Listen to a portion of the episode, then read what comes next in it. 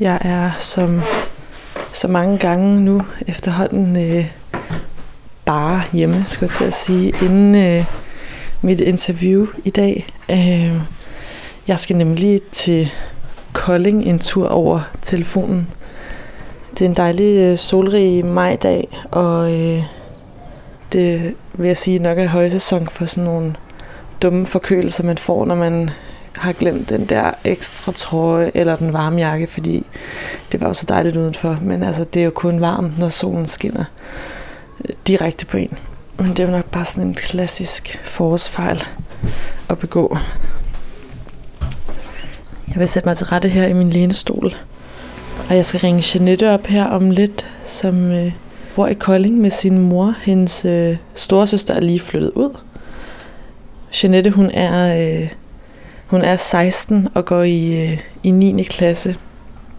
Og jeg fik præg om hende, eller hvad man kan sige, gennem øh, Kolding Ungdomsskole, fordi her er hun altså øh, en af de mest aktive unge mennesker. Hun siger selv, at øh, det meste af hendes fritid bruger, bruger hun på ungdomsskolerne. Men hvad er hun ellers for en type? Hvad er det for en 16-årig, der bliver helt vildt aktiv i det frivillige, altså sådan foreningsliv, og øh, har gået til pardans også i 13 år, altså siden hun var 3 år. Og nu har hun så også gået til hiphop for at få lidt variation. Men hun lyder som sådan meget, ja, altid og driftig ung kvinde.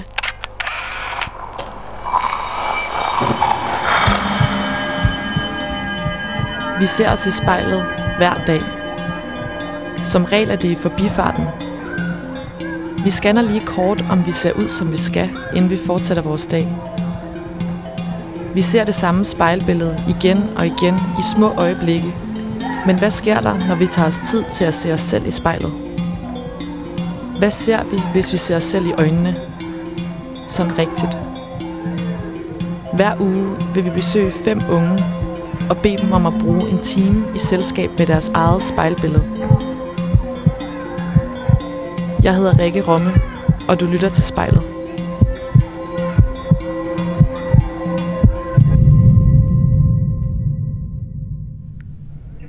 Ja, det kan jeg i hvert fald.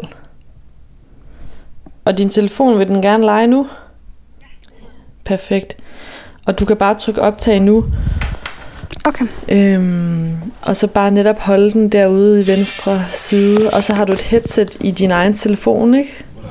Ja. Perfekt. Super. Jeanette, vil du så ikke starte med at fortælle om, øh, hvor du har sat dig i dagens anledning?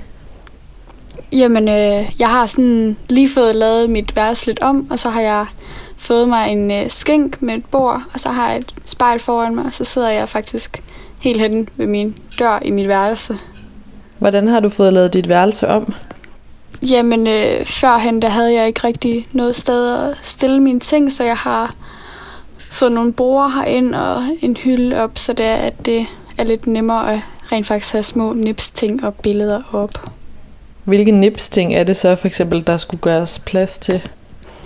Jamen, øh, jeg har en del billeder, som en sidder bare har lagt i en skuffe, som jeg gerne vil have op, og har nogle øh, vaser og nogle forskellige ting, og en lille skål, som jeg har fået af min danselærer, som jeg rigtig gerne ville have op og stå. Hvad er specielt ved den skål? Jamen, øh, det, det er fordi, jeg har øh, hjulpet min danselærer med små hold, da det var, jeg var hjælper nede på min danseskole.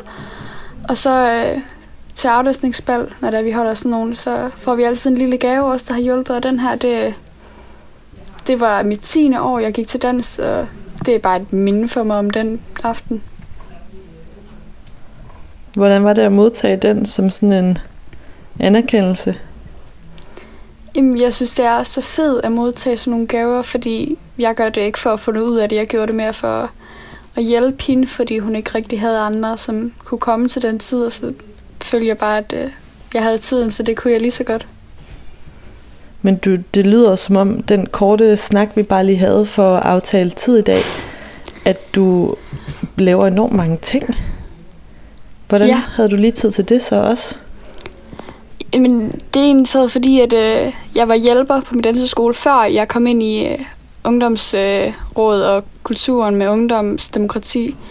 Og så brugte jeg det meste af min tid dernede, men så kom jeg op i øh, 8. klasse, og så 7. og 8. så øh, var der ikke tid til al dansen, så måtte jeg vælge noget fra, og det var lidt af min dansetid, der gik til noget andet tid. Jeg har godt lide at hele tiden at være i gang og ikke bare sidde stille. Ja. Vil du ikke forklare en lille smule mere om dit værelse, hvordan der ser ud? Jo, øhm, jeg har en øh, trekvartseng, som øh, er lige ved siden af et lille vindue, hvor øh, over det vindue der er, er der en hylde, hvor der hænger nogle billeder, som øh, min søster og mig vi har lavet, da jeg var helt lille. Der er en med en lidt grøn baggrund, og så øh, er der et par øjne, og så er der et håndtryk af mig og min søster, og så står vores navn på billedet. Så er der et, igen med en grøn baggrund og en øh, meget, meget faktisk pæn pingvin, synes jeg selv. Ja, er du meget kreativ anlagt, Jeanette? Altså, jeg kan godt lide at hele tiden lave et eller andet nyt, øh, så jeg kan mange forskellige kreative ting, men lige de her to billeder, det er min søster, der har malet dem, og det kreative, det har hun helt klart fået mest af. Hvilke ting kan du? Nu nævnte du bare, du kan nogle ting. Jamen, øh, jeg kan hækle og strikke og knytte, og kan også nogenlunde male og tegne. Og sy. Har du flere planer for dit værelse nu her? Er der noget andet, du kunne tænke dig? Øh, ja, jeg har et øh, billede over mit fjernsyn af mig selv, som jeg fik i konfirmationsgave, og ved siden af det der skal jeg hænge et øh, billede op af min morfar. Fordi at så er billedet lidt tættere på mig selv. Nu kendte jeg ham ikke selv, så det er rart at have et eller andet, som en sad tæt på en, selvom man ikke selv nåede at kende ham. Du mødte aldrig din morfar, eller hvordan? Nej, jeg var kun øh, fire måneder, da han døde, så jeg nåede ikke rigtig at kende ham. Hvad er det så, han betyder for dig nu, når du gerne vil have ham tæt på? Det er bare, jeg har hørt så virkelig mange gode historier om, hvilken person han var, og hvor sød og hjælpsom han var. Og det, det er virkelig noget, der betyder meget, at man har vidst, at nu jeg ved, at min morfar han var en, som gjorde alt for at hjælpe alle andre. Det vil jeg også gerne hjælpe så mange som overhovedet muligt. When I met you in the summer To my heartbeat sound We fell in love I Kolding har vi en badebro, og den her sang, den minder mig meget om sommeren dernede sammen med mine venner. And we could be together, baby As long as skies are blue You act so innocent now But you lied so soon. When I met you in the summer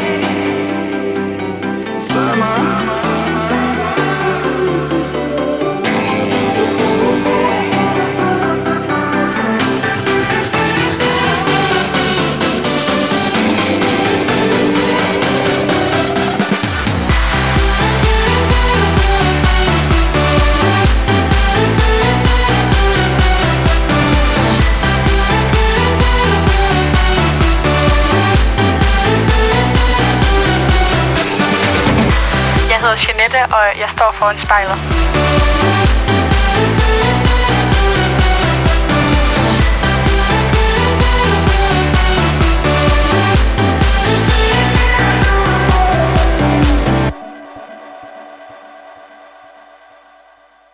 Jeanette, du må egentlig gerne starte med at lukke øjnene, og så lige tage en dyb vejrtrækning.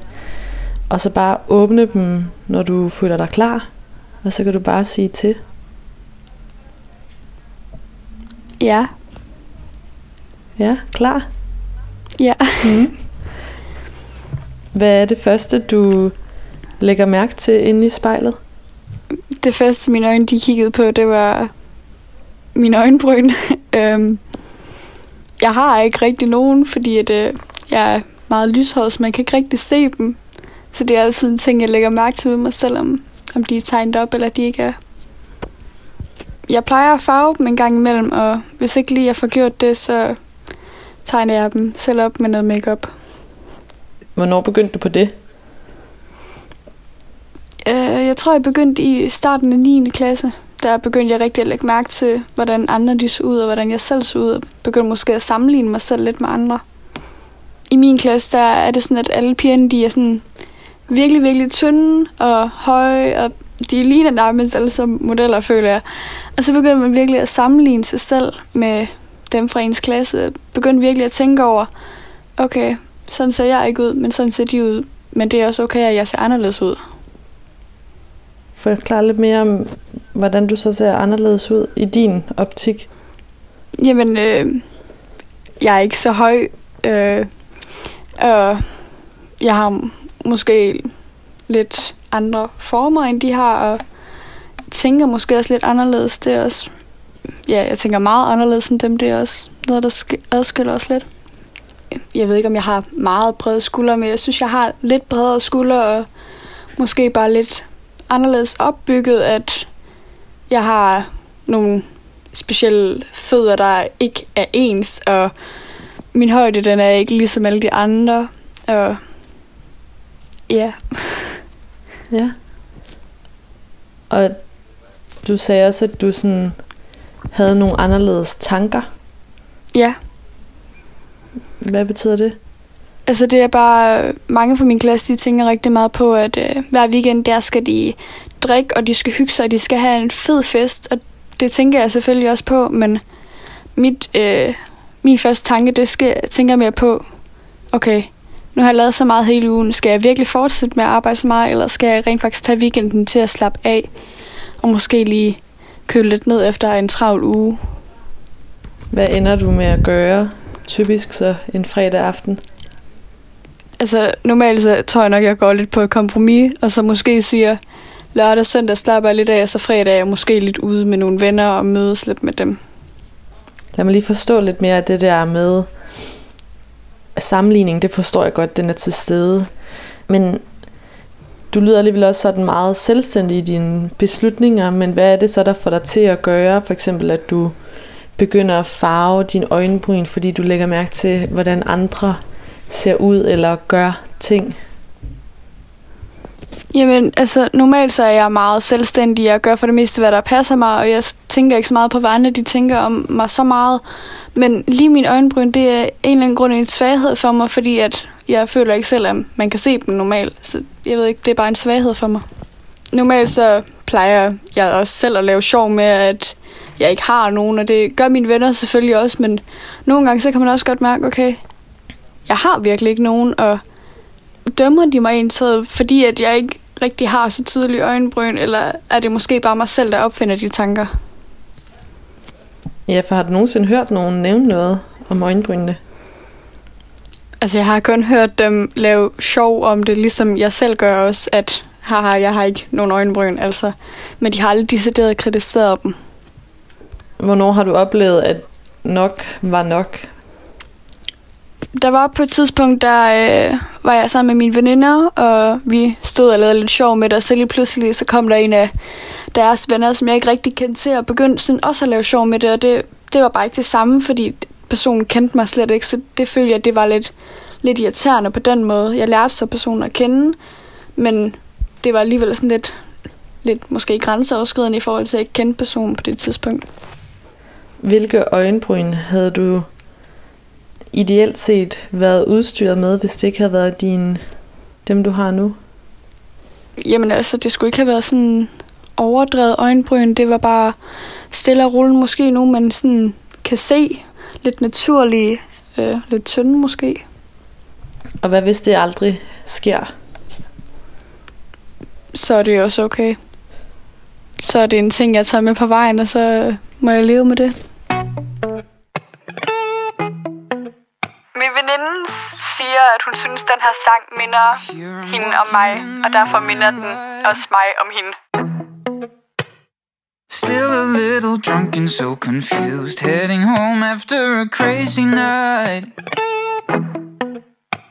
My feet they hurt, and this is not my shoes.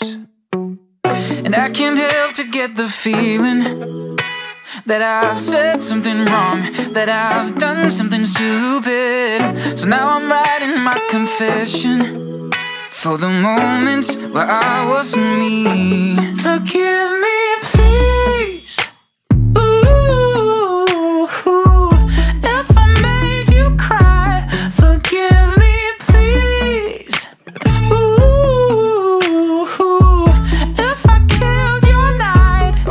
Try to keep it casual. Look like someone always in control, but that truth is unattainable. So yesterday I chose to let it go. I can't help to get the feeling that I've said something wrong, that I've done something stupid. So now I'm writing my confession for the moments where I wasn't me. Forgive me, please.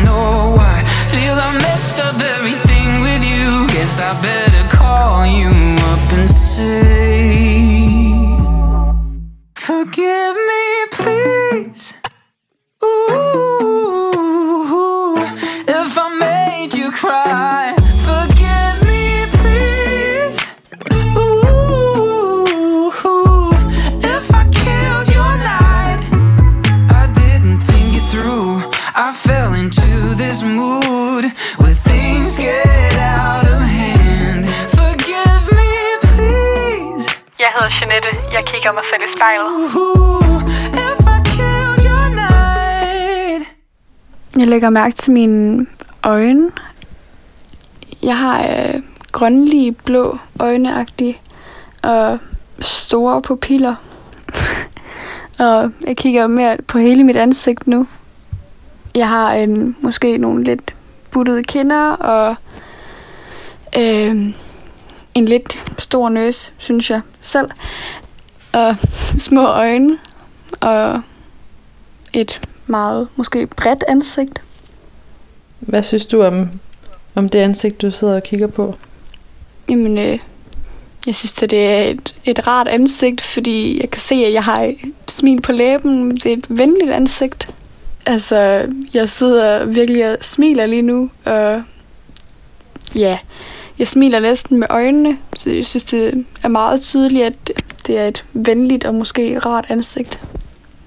Det er jo sådan en udadtil ting. Hvis jeg måske så dig, så så det venligt og rart ud. Hvordan ser det ud til, at du har det? Det ser ud til, at øh, jeg har det meget fint. Måske som en normal teenager, der tænker lidt på alt muligt forskelligt. Jeg tænker på, hvad man skal i morgen, i stedet for at tænke lidt længere frem. Bare en normal teenager, som tænker ja, på hverdagen og sine lektier. lukke mig lidt mere ind i den normale teenager. Hvad, hvad er det for nogle tanker, der kan fylde hos dig? De tanker, der fylder for det meste, det er møder og events, som jeg har planlagt med folk, og ting, jeg skal nå, og aftaler, jeg har lavet. Hvordan ser du ud, når du tænker på alle de ting? Øhm, jeg tror, jeg vil måske kalde det at se lidt stress ud en gang imellem. Fordi der er så meget at tænke på hele tiden, og man skal holde styr på det hele. Kommer det til udtryk øh, på nogen speciel måde? Øhm, altså, normalt så går jeg ikke med særlig meget make til hverdag, men når det er, jeg tænker på alt det her, så, så tænker jeg slet ikke på mig selv, så tænker jeg mere på alt det, jeg skal nå, og så er jeg fuldstændig ligeglad med, hvordan min øjenbryn ud, hvordan alt muligt ser ud. Det synes jeg nok, det er en nem måde, at det kommer til udtryk på. Må jeg spørge dig sådan, er døren åben eller lukket ind til din familie? Den er lukket. Okay, fint nok. Det var, fordi jeg synes, jeg kunne høre nogen i baggrunden, men det var også meget naturligt. Ja. øhm, okay, så når du har rigtig travlt, så viger, hvad kan man sige, dine tanker om dig selv, så ligesom fra alt det, du skal nå, ikke? Så der er sådan øje på det. Ja. Fortæl mig lidt mere om den slags Jeanette. Hvordan, øh, hvordan fungerer hun, når øjenbrynene pludselig er ligegyldige, og at hun fokuserer jamen, på øh, hendes ting? Jamen, øh, jeg tror, hun er meget sjovere at være sammen med end øh, den anden Jeanette. Hun tænker ikke så meget på sig selv, og hun tænker mere på, hvordan det er, at hun skal nå alting, og hun går mere tid til andre end sig selv, som måske kan lyde som en dårlig ting, men som i det her tilfælde vil jeg nok sige, at det er en god ting.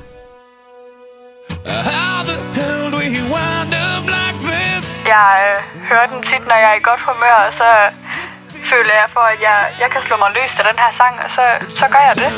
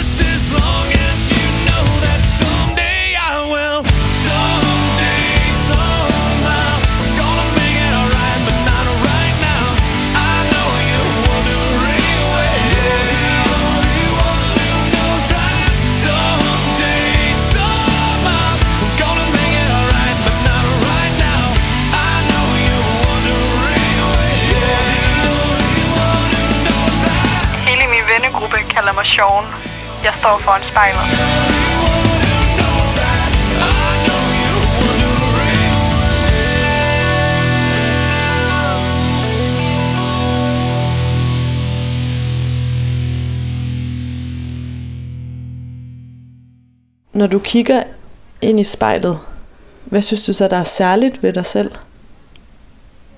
Øhm, det ved jeg godt nok ikke. Øhm,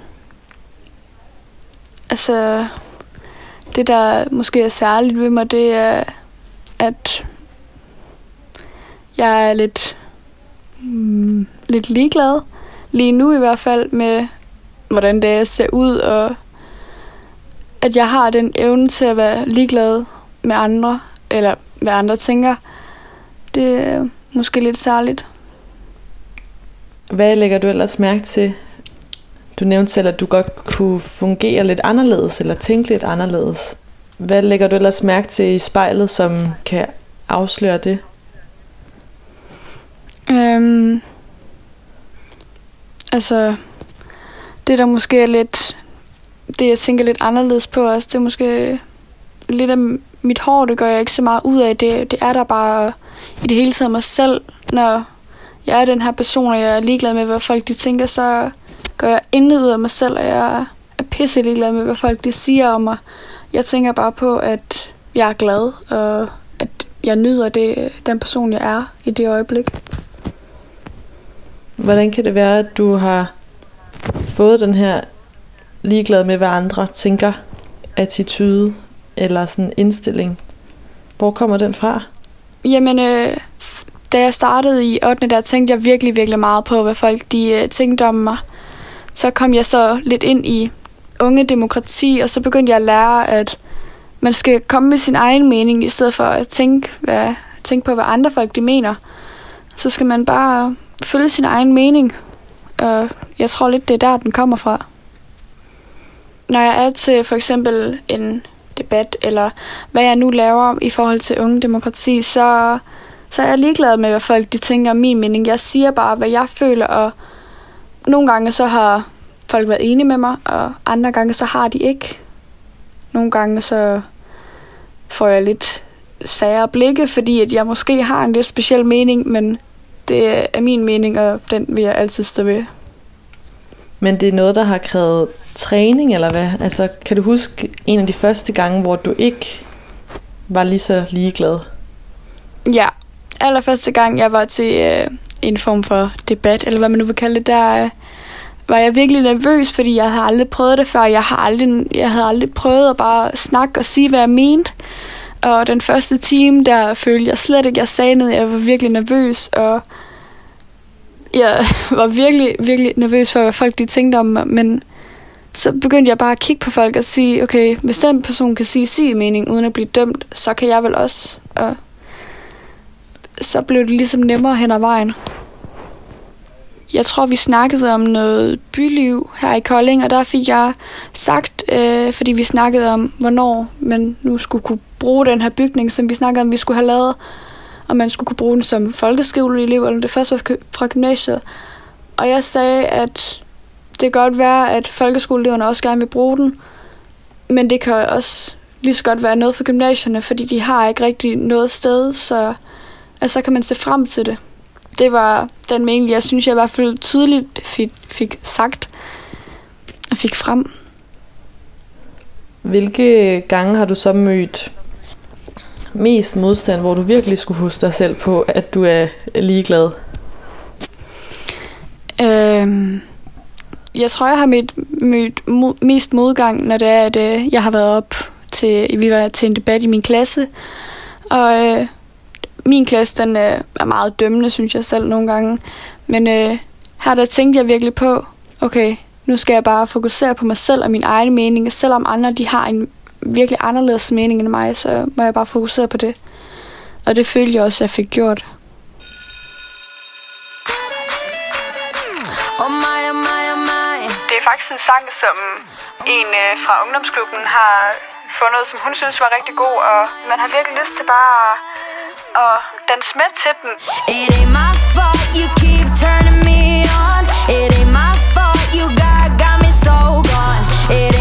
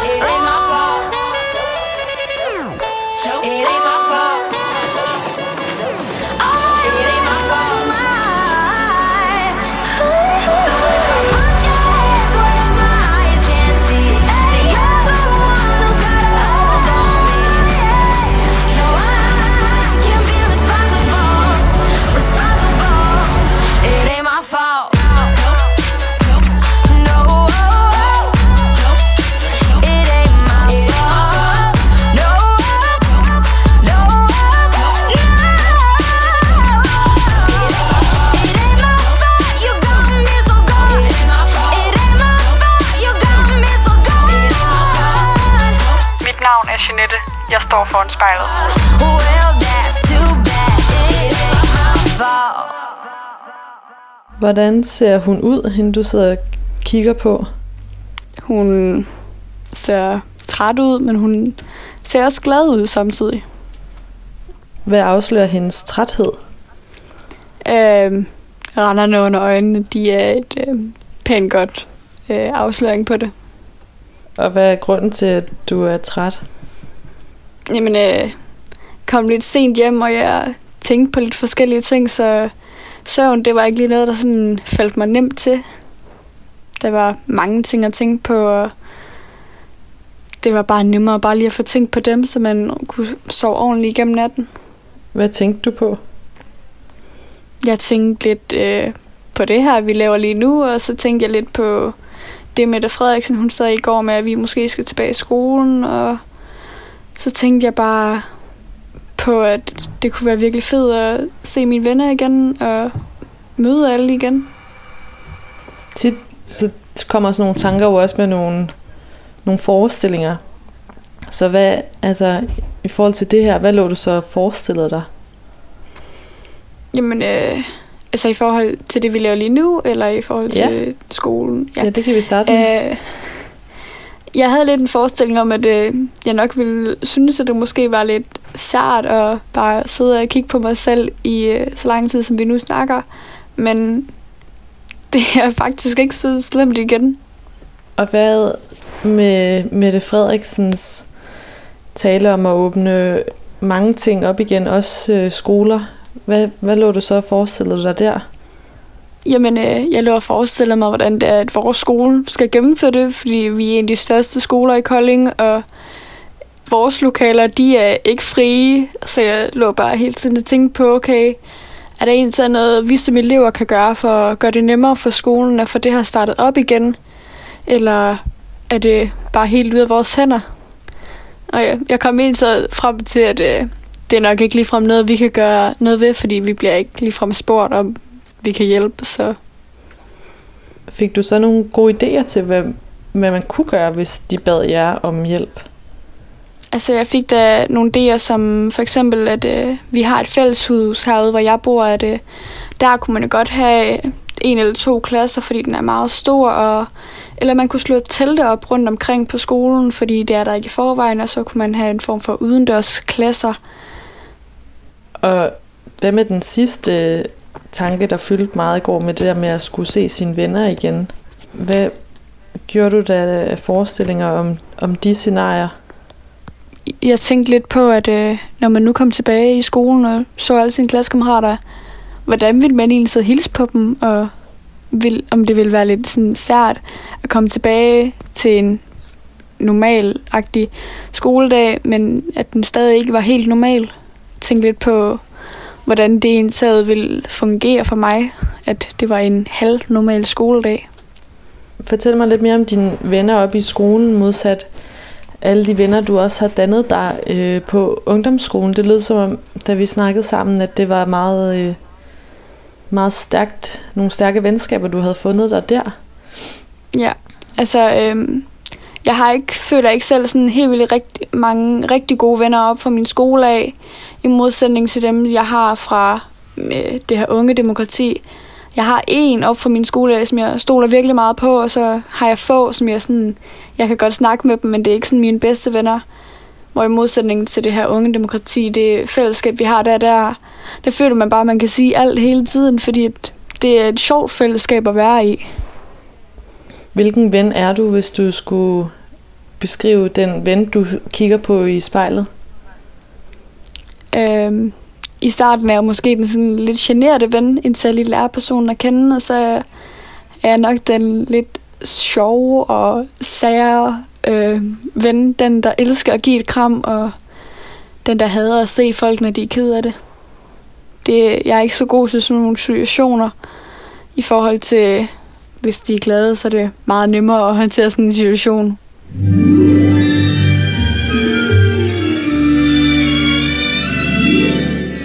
Er du dus med himlens fugle og skoven? Det er en sang, der minder mig om alle de weekender, jeg har brugt som lille sammen med min mormor. Og derfor følte jeg, at den skulle med.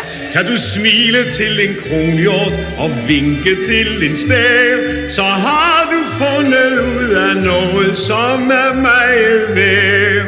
En rød kælk, en guldsmed, en bly for glem mig ej. Et græntræ, en vipstjert, de elsker nemlig dig. Er du dus med himlens fugle og skovens grønne træer, så har du fundet ind til det, som gør livet allermest værd. Du grønne skov, du glade lærker, og huske lov, ej, jeg kan mærke alt det der ven med mig, har du det som jeg er. Du dus med himlens fugle og skovens grønne træer, forstår du alle hjerter, der banker her og der, kan du smile til en kronhjort og vinke til en stav, så har du fundet ud af noget, som er meget værd. En rød kælk, en guldsmind, en bly for glem mig ej. Et græntræ, en vipstjert, de elsker nemlig dig. Er du dus med himlens fugle og skovens grønne træ, så har du fundet ind til det, som gør livet allermest værd. Den grønne skov, hver spor jeg kender, den fik jeg lov at få som venner. Hvem har vel en bedre ven? Jeg spørger igen. Er du dus med himlens fugle og skovens grønne træ? Forstår du alle hjerter, der banker her smile til en kronhjort og vinke til en stær? Så har du fundet ud af noget, som er meget værd. En rød kælk, en guldsmed, en bly for glem mig ej. Et græntræ, en vipstjert, de elsker nemlig dig. Er du dus med himlens fugler? Jeg står foran spejlet. Jeg hedder Jeanette. Så har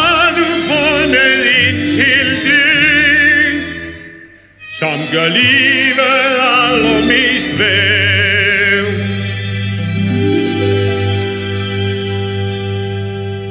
Jeanette, jeg tænkte på, du nævnte din morfar til en start.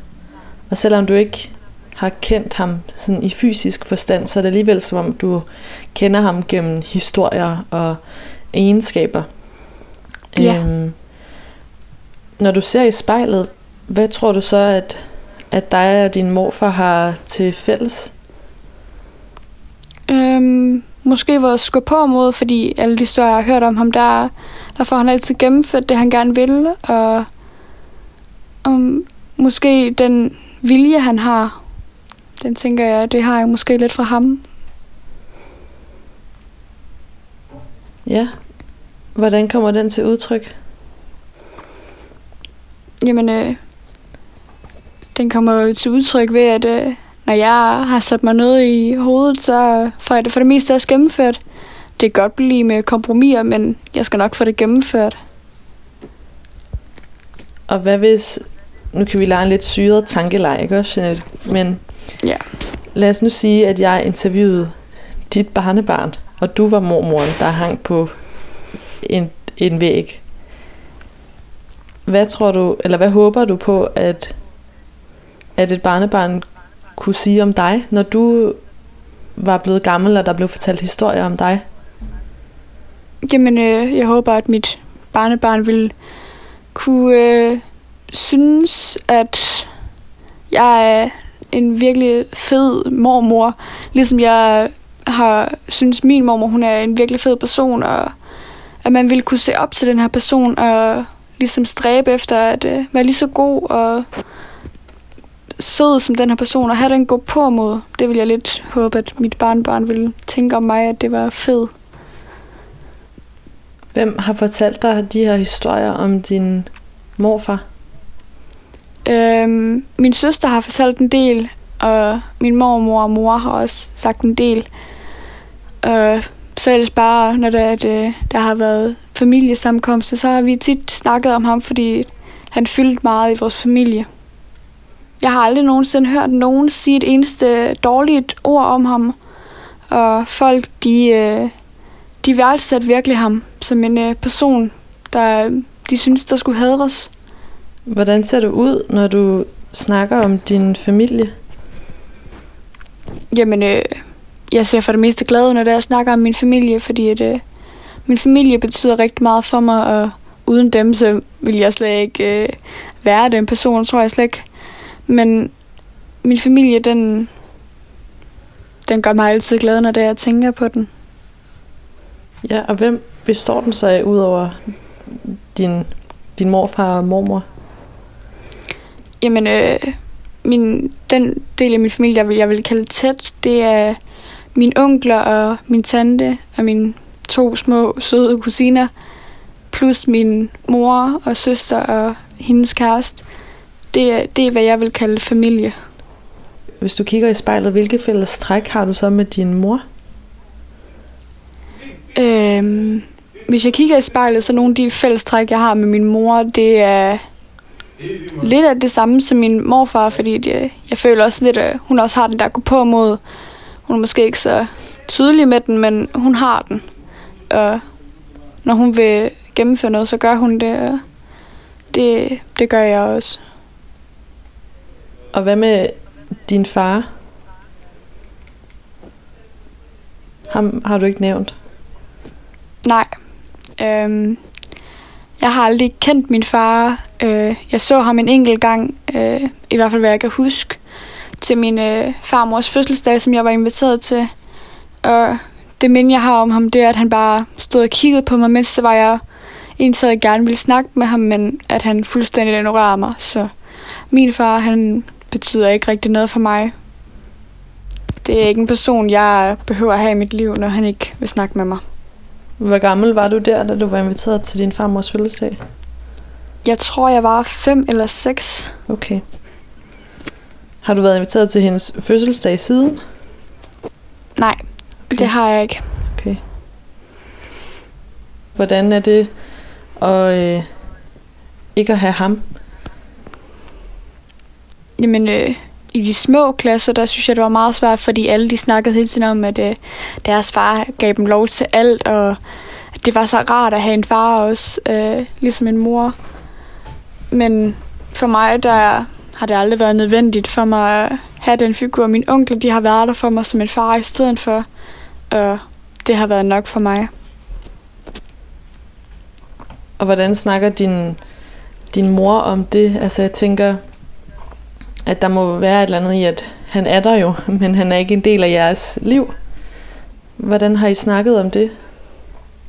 Altså, øh, det er ikke en person, vi snakker så tit om, men vi har haft samtalerne om det, specielt til fødselsdage og til min konfirmation snakker vi også rigtig meget om det. At hvad nu hvis han ikke havde været sådan, så kunne vi egentlig have været samlet som en måske lidt mere normal familie, at de ville, min mor og far ville måske ikke være sammen, men at jeg kendte min far. Ja. Men det, det er ikke noget, jeg behøver. Nej. Men det var noget, I så snakkede om til konfirmationen faktisk, og sådan tog op som et, et emne. Ja, Ja. ja, altså, jeg kom i hvert fald til at tænke på det, og snakkede lidt med folk om det, øh, som min mor, at øh, inden konfirmationen, at hvad nu hvis, at han egentlig taget havde, havde været her? Hvordan ville jeg så have håndteret situationen? Måske havde jeg måske håndteret den anderledes, eller havde det været det samme? Ja, det forstår jeg godt. Hvis, øhm, altså jeg ved ikke nu, hvor meget I har snakket om ham, men hvis han nu skulle, altså hvis du skulle finde nogle ligheder med ham i spejlet, er der så nogen, du sådan kommer til at tænke på? Øhm, altså, han er rødhåret, og det har jeg fra ham. Jeg har så fået farvet det meste af mit røde hår væk. Men det er i hvert fald en ting, jeg har arvet fra ham. Men det er blevet farvet væk? Ja, jeg synes, det var irriterende at have røde skær i mit hår hele tiden, fordi at, øh, jeg kunne hele tiden se dem, og de irriterede mig faktisk lidt, så de blev farvet væk i stedet for. Okay, så hvad for en farve har du nu? Jeg har øh, lyst hår med nogle øh, lyse striber i. Og hvad har din mor for en farve hår? Jamen, øh, hun har også lyst blondt hår med et par grå striber her og der. Ude i mørket et sted Begynder et hjerte at slå Den her sang, den øh, har en helt speciel plads i mit hjerte, fordi den minder mig bare om, at man godt kan komme igennem alting, selvom det er svært. Lille hjerte, hvorfor har du valgt mig? Han smækkede døren bag sig, sagde han havde brug for luft. Et knækket øjeblik, det skulle have været stort og smukt. Men panikken fik det bedste af ham, og han skred. Hørte en græd i opgangen bag ham, men han var ligeglad. Ud på gaden ind i bilen, han skulle bare væk derfra. Tænkte, jeg hader mig selv, for jeg ved, hun elsker mig. Men jeg er ikke klar for fanden, jeg er nærmest bare et barn selv. Kan fandme da ikke være far til noget barn, vel? Ved hans hjerte banker, der kaos op i hans tanker Hvem har sagt, at han overhovedet kunne være noget som helst for andre? Hvem har sagt, at det var dem for evigt? Sagt, at han var færdig med det frie liv, bytur, alt det der Helt ærligt, hvad skulle han kunne lære et barn?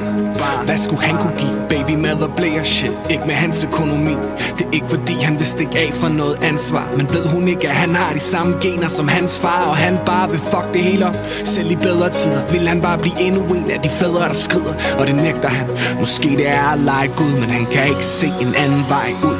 Det ender i tår, tår, tår. Ude i mørket et sted. Begynder et hjerte at slå. Lille hjerte, jeg ved jo At du ikke kan forstå. Jeg er slet ikke modig Nok til at passe på dig. Lille hjerte, hvorfor har du valgt mig?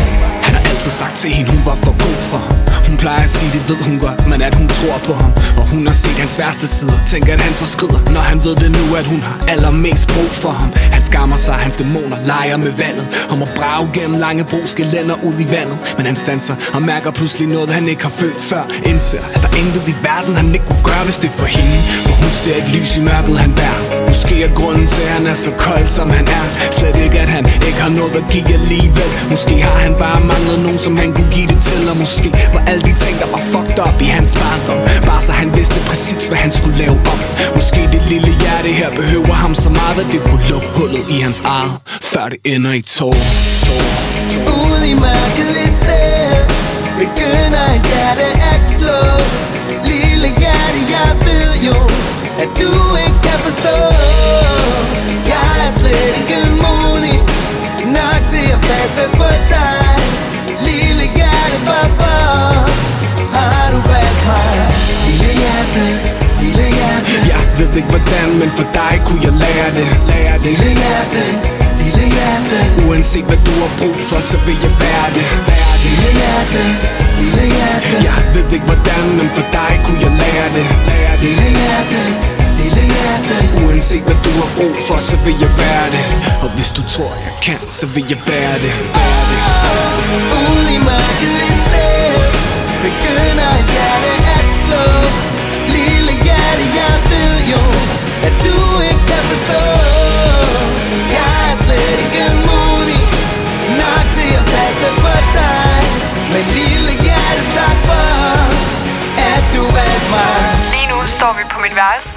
Jeg ser mig selv i spejlet. Lille hjerte, lille hjerte. Lille hjerte Lille hjerte, lille hjerte Lille hjerte, lille hjerte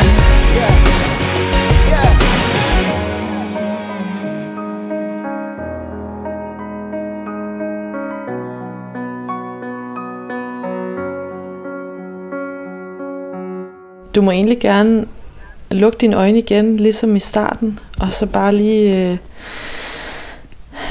tage en dyb vejrtrækning og øh, åbne dem, når du føler dig klar.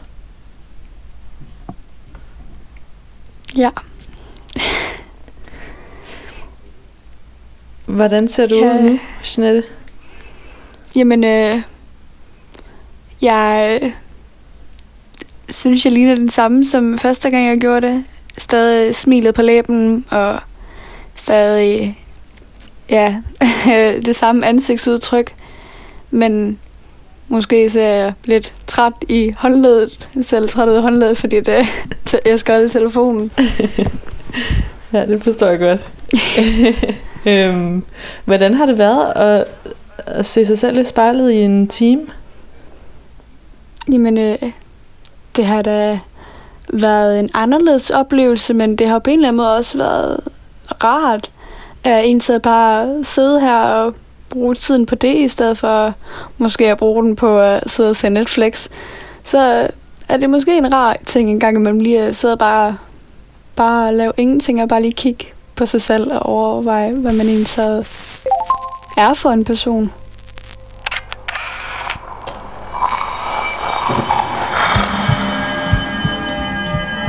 Du har lyttet til spejlet. Produceret af Kontrafej, klippet og tilrettelagt af mig, Rikke Rumme.